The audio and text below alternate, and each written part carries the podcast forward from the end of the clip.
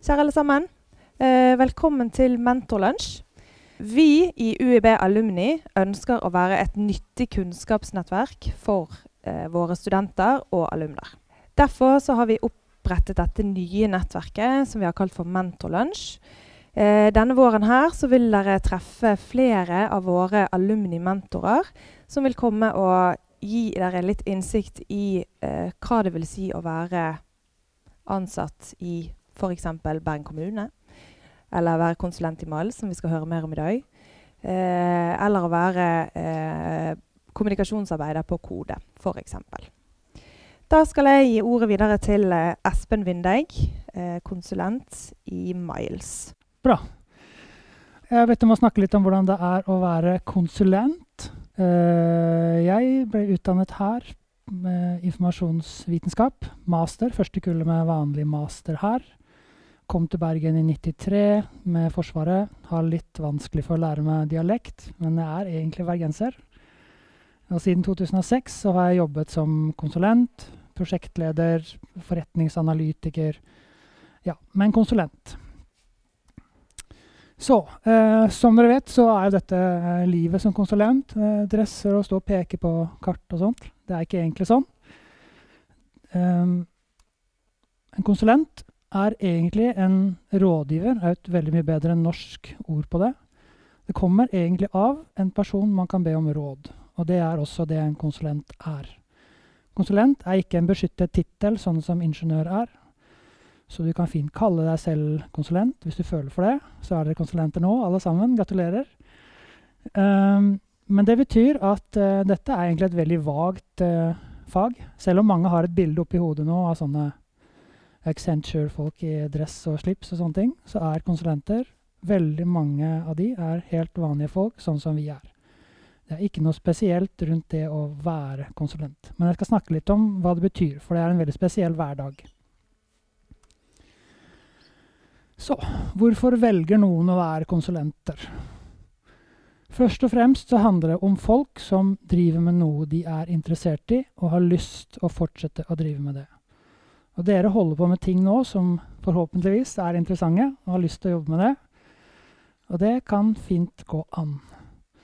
Største forskjellen på å være fast ansatt og å være konsulent, er at når du er konsulent, så jobber du i et selskap men du gjør vanligvis ikke daglig jobb i det selskapet. Så hvis du er ansatt i Miles, så jobber du oftest ute hos kunde. Jeg skal snakke litt om det. Men det ligger en del ting i å kunne og og ha lyst til å gå ut og jobbe for en ny bedrift av og til. Korte oppdrag eller lange oppdrag. Eh, og det stiller litt krav til enhver som person. Men det viktigste, eller den friheten man får, er at man kan takke nei til ting, og man kan velge å fokusere i en faglig retning, og man kan være litt kresen. For etter hvert så får man en rimelig høy status. Så jeg har spurt kolleger hva de setter mest pris på, og det er disse tingene her. De kan veksle på oppgaver. Man kan jobbe med det man har lyst til, og hvis du f.eks. jobber et prosjekt, sånn som jeg som prosjektleder synes det er mest gøy å starte prosjekt. Og så, etter en stund, når man bare skal levere, så er det ikke så gøy lenger, så da hopper jeg videre. Og det er jo en luksus man har, å si at uh, vet du hva, nå har jeg lyst på noe annet. Så får man noe annet. Så er det at man får tid og lov til å drive faglig utvikling. Produktet du bidrar med som konsulent, er kompetanse.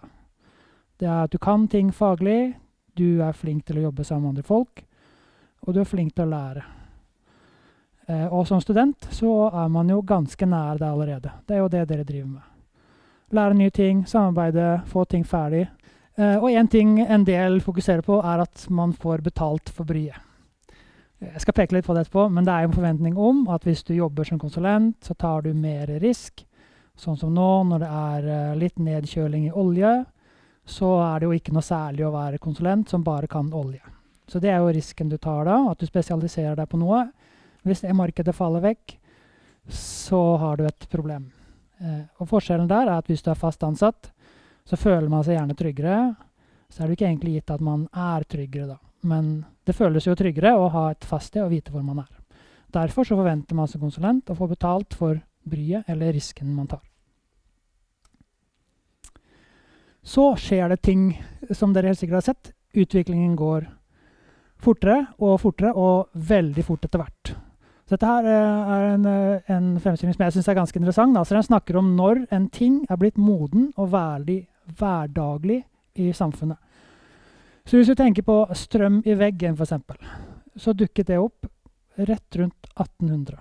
Men det var først 1873-1875 at det var vanlig, altså at det var et produkt som man bare kjøpte. Så det tok da ja, 50 år eller så. Telefon 30 år, ser dere mønsteret? Fortere og fortere. Internett fra det dukket opp i 91 og ble en ting man kunne mene noe om, til folk flest hadde det, ca. syv år. Så her går det fortere og fortere. Og nå går det jo veldig mye fortere. iPhone Seks måneder fra det dukket opp som en spennende ting på en uh, stor lansering, som sikkert noen av dere så, til det var en ting folk flest hadde. Jeg hørte Angry Birds av alle nyttige ting i hele verden. En av versjonene der, som er sånne romfartsgreier som jentene mine elsker, den tok 60 dager til folk flest hadde den. Så her skjer det et eller annet som sier at hvis du nå f.eks. utdanner deg til marinbiolog og begynner å jobbe i Fiskeridirektoratet, så kan det være at du kan jobbe som marinbiolog resten av karrieren din. Men hvis du utdanner deg til noe litt mer eh, tidfestet, så kommer du sikkert til å forandre på hva du jobber med underveis i karrieren. Og det er veldig vanlig, og de aller, aller fleste gjør det. Hvis man har en uh, solid og litt bred plattform i bunnen, sånn som en grad herfra, så er man veldig godt rustet til å jobbe litt med det og litt med det. Og da er det ganske kjapt en konsulent, enten internt eller eksternt. Da jobber man med noe som man blir bra på, og så blir man dratt inn der hvor den kompetansen er nyttig. Så hvis produktet er din kompetanse, hvor god må du være? Uh, I Miles så snakker vi om faglig autoritet og varme. Det er de to tingene vi forsøker å rekruttere etter. Og Det høres sikkert veldig cheesy ut, men vi har funnet ut at det er to ting som gjør Hvis man er bra på de, så klarer man seg stort sett alltid. Og dere kommer til å oppdage at dette er ikke noe nytt. Så man er nødt til å være faglig sterk, fordi at noen trenger å stole på at den oppgaven de ikke klarer å løse selv, som de nå velger å leie noen til å løse for seg, i stedet for å ansette eller forsøke å bygge internt, den oppgaven klarer du. I starten så er det av og til litt skummelt. Ikke egentlig starten heller, jeg har det sånn nå også. Men det er også gøy. Så man kommer inn, får beskjed om å løse et eller annet som ingen har løst før og så løser man det. Og så, når det ikke er noe gøy lenger, så hopper man videre.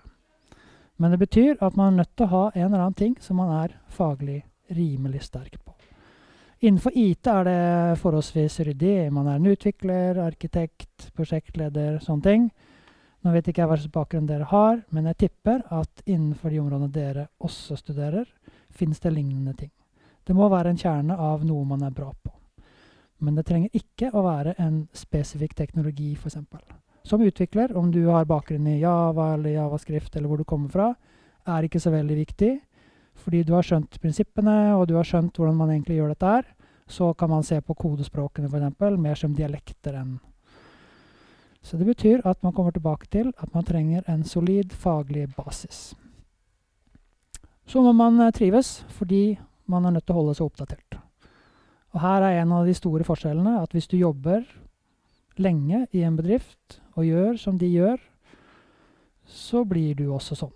Så hvis de syns at uh, Enterprise Java er en fantastisk ting, veldig gammelt for de som ikke kjente det, så er det det man driver med. Og på et eller annet tidspunkt så oppdager man at verden har beveget seg de siste ti årene, men kanskje ikke den retningen vi har beveget oss i. Det er veldig kjedelig. Men sånt skjer. Derfor så er man nødt til å holde seg oppdatert. En annen veldig viktig ting, og det bedrifter veldig ofte egentlig betaler for, er at du kommer inn og hjelper dem med å lære. Eh, og det kan jo dere. Det går ut på at de eh, har oppdaget at noe enten ikke er bra, eller de trenger å bli bra på noe. Og så ber de oss om å komme og hjelpe. Det kan være Min bakgrunn er IT, så derfor kommer eksemplene derfra. Men jeg jobber f.eks. nå for en bank som har funnet ut at de vil flytte utvikling sånn at de har mye folk i India som skriver kode, og så vil de ha arkitekter her i Bergen. Og det er eh, på papiret veldig enkelt. Ser veldig fint ut. Timepriser, alt det ser veldig bra ut. Men de har ikke egentlig gjort det før. Og det er veldig veldig mange som jobber med sånne ting nå. Eh, og det er ikke så mange av de som får det til. Så nå har de spurt meg om hjelp, så Så jeg håper at jeg har noe å bidra med, da. Men det er en sånn typisk ting som man henter en konsulent til å gjøre. Noe jeg eller den de henter inn, har gjort andre steder som de også ønsker å gjøre. Så det å dele og det å kunne spille andre god uten å måtte vinne selv hele tiden, er veldig, veldig viktige ting. Og det er ikke så lett alltid.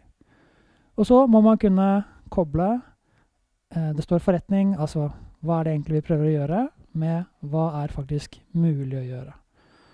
Og det er heller ikke alltid så veldig enkelt. Men det her, den erfaringen og bakgrunnen dere har, skal hjelpe til. Så sånn oppsummert man er nødt til å være faglig rimelig sterk. Det er noen som er konsulent og bare selger sin faglige styrke. Jeg skal vise dere etterpå. De er da spesialister. Eh, noen trives med det. Eh, ikke alle. De færreste, vil jeg si. Men det er en vei å gå. Mens det å kunne hjelpe til å løse problemer er mye mer verdifullt og mye mer inspirerende. Så hvem trives som konsulent? Det er ikke alle som trives. Um, I Miles kaller vi det varm, og så høres litt sånn cheesy ut, men det er litt gøy, egentlig. Det handler egentlig om at uh, man er nødt til å være en, en, person som andre liker å jobbe sammen med. Det er det beste du kan bidra med. Uh, og her er det jo litt forskjellige praksiser, men vi har i hvert fall lært at det er helt klart best å være en person som er lett å jobbe med, som er tolerant når andre gjør feil, eller bare ikke skjønner eller ikke har kommet dit enda faglig, fordi at du hjelper bedriften, når du hjelper deres enkelte folk. Det er veldig viktig, og det er veldig mange som ikke har skjønt det. Så må man være i utgangspunktet positiv. Det kommer til å være helt håpløse case. Hvis Av og til. Ikke så ofte, men av og til. Hvis du da fyrer deg opp og begynner å fortelle hvor skapet skal stå, så blir det veldig vanskelig. Man kommer inn som en uh, hjelp, og ikke som en sjef. Noen kommer fra jobber hvor de har vært sjefer, og begynner å sjefe. uh, og de er ofte tilbake ganske fort. Det er ikke den jobben man får. Så det betyr at uh, å være en konsulent er rett og slett veldig mye sosiale ferdigheter. Så det er litt annet bilde enn den klisjeen som man gjerne ser, med disse dresskledde som brøyter seg inn med regnearkene sine om å organisere og sånn. De fins, de også. Vi har ingen av de, i hvert fall. Uh, jeg vil ikke anbefale det. Først og fremst må man være faglig sterk, og så må man være sosial. Dere er studenter, så dere er jo sosiale, og faglig sterk, det blir dere etter hvert. Så her er på en måte clouet. Du er nødt til å bygge opp de rundt deg og den bedriften du jobber for, og hjelpe de med å bli god. Og så er spørsmålet da Ja, men jeg har jo ikke gjort det før. Nei, det stemmer. Alle begynner et sted. Det er ikke alle som uh, trives med å gå rett fra skole og ut som konsulent. Men det vet jo konsulentselskapene utmerket godt. Noen av de, spesielt noen av de store, har veldig veldig grundige program for å lære opp nyansatte. Andre, mindre selskap, er, har sine måter å gjøre det på. Noen selskap ansetter deg, smiler pent, setter deg rett i kundemøte. Jeg begynte i et sånt selskap. Kom på jobb mandag morgen klokken åtte og satt i kundemøte klokken ni. Ja, men dette kan du jo, du har jo gått på skole. det går jo bra, men uh, jeg vet ikke om jeg vil anbefale det. Så her er det forskjellige måter. Eh, noen av selskapene, sånn som Accenture, Cap, eh, noen av de store, de har sine egne interne skoler som er veldig, veldig gode. Og utdanner masse folk.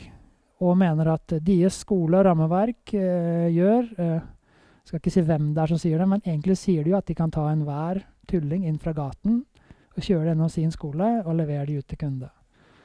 Så kan vi koble liksom det med størrelsen på selskapene så de rekrutterer, og de er heldigvis veldig kresne. Og de gir veldig god opplæring. Og det kan være et greit sted å begynne etter studier hvis man tenker å gå den veien. De er veldig gode på å ta imot folk. Selskapet jeg jobber i, Miles, er også veldig gode på å ta imot folk. Men uh, vi tar inn én og to nyansatte av og til, og følger de veldig nære i vår hverdag.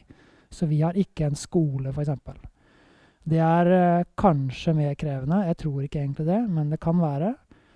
Men det betyr også at man går rett ut i jobb og jobber med virkelige ting i et team sammen med kolleger. Så det betyr at risken er overkommelig. Så i bunn og grunn så handler det da om at du kan være så faglig sterk du bare vil. Hvis du er uh, vrang, så kommer du ingen vei.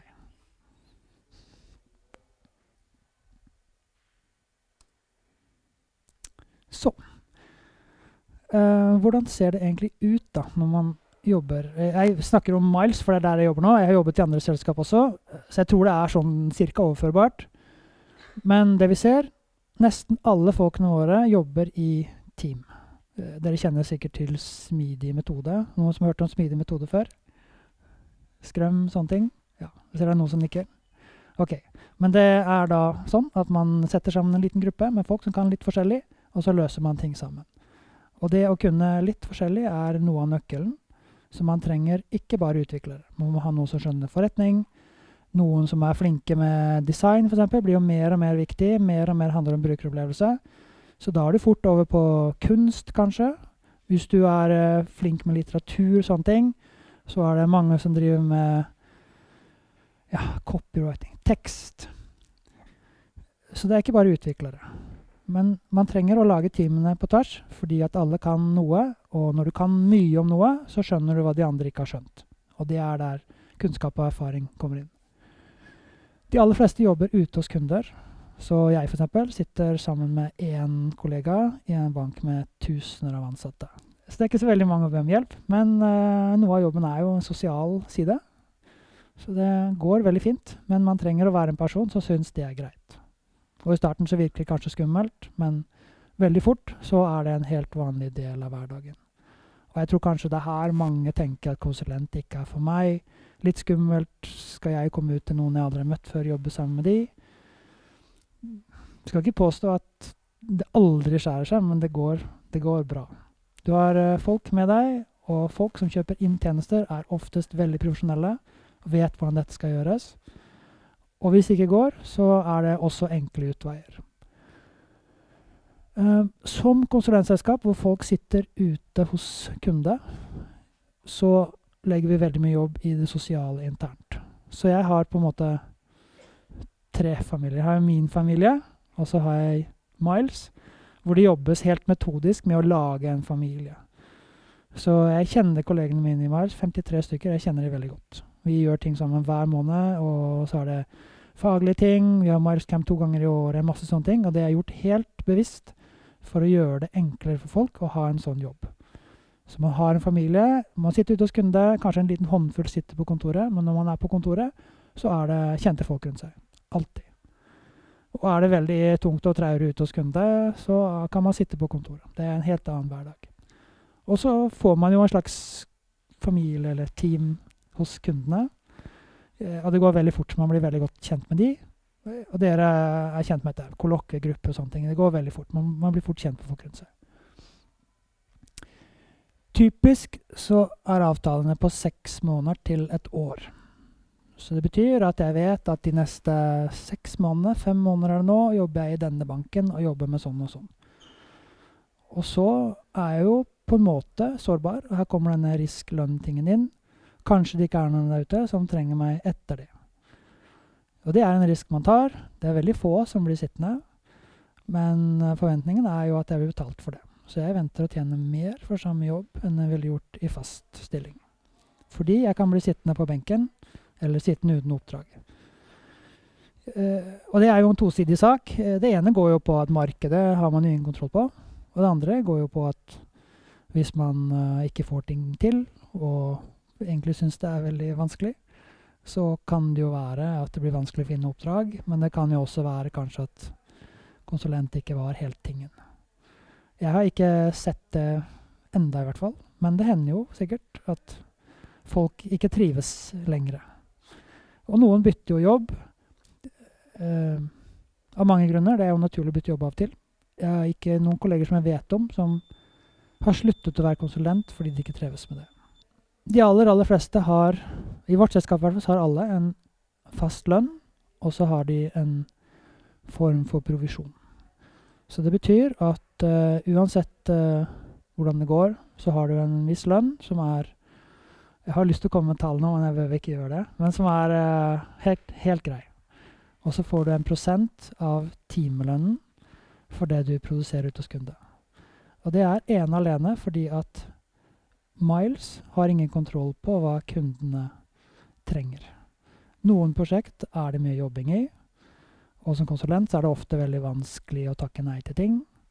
Så i fjor for eksempel, så jobbet jeg mer overtid enn jeg strengt tatt har lov til. Men til gjengjeld så får man jo betalt for bryet. Så det går an å stå på fordi at man ser det på lønnsslippene sine. Så dette her er en mekanisme som man må vite om. Noen tar helt fyr, og jeg har sett det òg. Plutselig så blir det fryktelig dyrt å se på TV, for du kunne jobbe til stede. Altså lever litt, Men det er faktisk noen som har det sånn.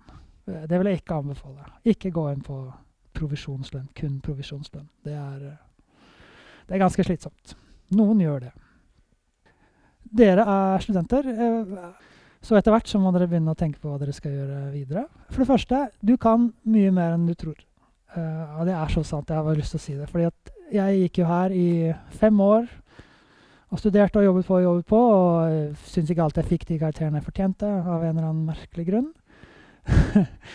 uh, og hver gang man blir ferdig og begynner på nytt fag, så er det en ny murvegg av ting som skal læres. Og man får liksom hele tiden følelsen av at det strekker ikke til. Men det dere lærer her, i hvert fall det jeg lærte her, er veldig bra. Og det er veldig nyttig når du kommer ut.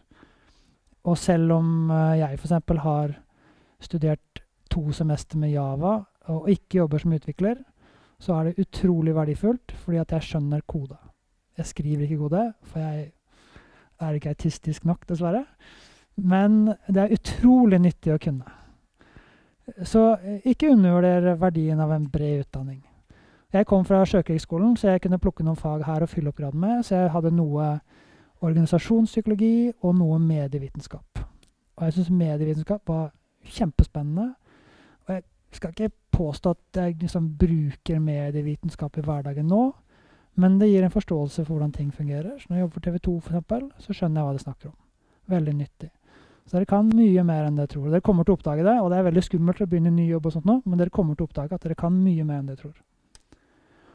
Og du kan bygge erfaring mens du studerer. Mange tenker at erfaring er liksom Man har jobbet to år et sted, men du kan begynne lenge før det. Uh, for de som driver med utvikling, uh, og for de som uh, er litt på forretningssiden, bli med i åpen kildekode eller være med i en startup. et eller annet sånt noe. Det viktigste er bli med i et eller annet prosjekt, frivillig arbeid, et eller annet sånt noe. fordi at når du senere kommer i et intervju, og har en CV med en del jobb, men kanskje eh, ikke verdens lengste liste, så blir oppdragsgiverne eller ansatte veldig veldig glad for å høre at uh, jeg var med Røde Kors og arrangerte, eller sånn som vi er med med Kirkens Bymisjon og arrangerer sånn aktivitetsdag for uh, fattige barn. Så er man med, forberedt hele greia, gjennomfører oppsummerer, og så har man liksom vært med og gjort et prosjekt. Og selv om dette er noe helt annet enn det jeg jobber med hver dag, så er det veldig likt og det er veldig nyttig. Så det å bidra til sånne ting ved siden av studiene kan være veldig bra. Uh, så å være med i et prosjekt, lage noe, få det ferdig Veldig mange driver og lager apper og sånne ting. Jeg vil ikke satse på apputvikling som næring. Uh, det ligger vel en million apper i Play som mindre enn 1000 folk har lastet ned, så jeg vet ikke om det er veien over rik, men mange gjør det for erfaringen sin del. Utrolig verdifullt. Uh, deltidsjobb er selvsagte ting, men uh, vi ser det. Jeg er med å rekruttere selv, og vi ser det. Altså, Kommer man inn og har uh, sånne ting ved siden av skole De som gikk med avisen, f.eks., på ungdomsskolen, slepte rundt på den svære sekken ute i regnværet. Da har man vist at man kan stå på når det butter litt imot. Det er superverdifullt. Og nå også. Jobber du på et utested, hva det nå er. Få det med. Og ikke bare tenk på det som til inntekt. Det er faktisk veldig nyttig lærdom. Uh, en kollega som vi syntes var spesielt kjipt å miste, jobbet på garasje som dørvakt og jobbet med de tingene sånn. Han var helt sinnssykt flink med folk. Uansett hvor sinte og sure folk var, så brukte han to minutter på å snu det rundt. Og det er sånne soft skills som er utrolig viktige. Men hvis ikke vi tilfeldigvis hadde hørt om det, så hvordan veien skulle vi vite det? Pass på å få med sånne ting. Og som student så er jo yrket deres å lære. Og det fins veldig mange folk ute som har gode jobber, som er helt håpløse til å lære seg ting. Derfor trenger de meg. Så det at dere er flinke til å lære ting, er faktisk veldig verdifullt. Uh, og hvis du er flink til andre ting Jeg snakket om uh, brukeropplevelse. Vi holder jo på å bygge opp et team nå som driver med UX, brukeropplevelse. Så det er et sånn skjæringspunkt mellom IT og ja, kunst, egentlig. Så når, eh, når, du åpner nettbank og syns at denne er veldig clunky, og åpner en annen og syns at den er veldig bra, så er det veldig vanskelig å si at uh, jeg liker denne bedre fordi. Jeg aner ikke. Men vi har noen som, som vet det. De kommer fra kunst. En her tidligere motfotograf, og en er utrolig flink til å male. Og så kan de litt IT ved siden av. Så man må ikke være bare IT-dude for å jobbe som, som f.eks. jeg gjør. OK. Det var egentlig det jeg hadde tenkt jeg skulle ta opp. Takk for meg.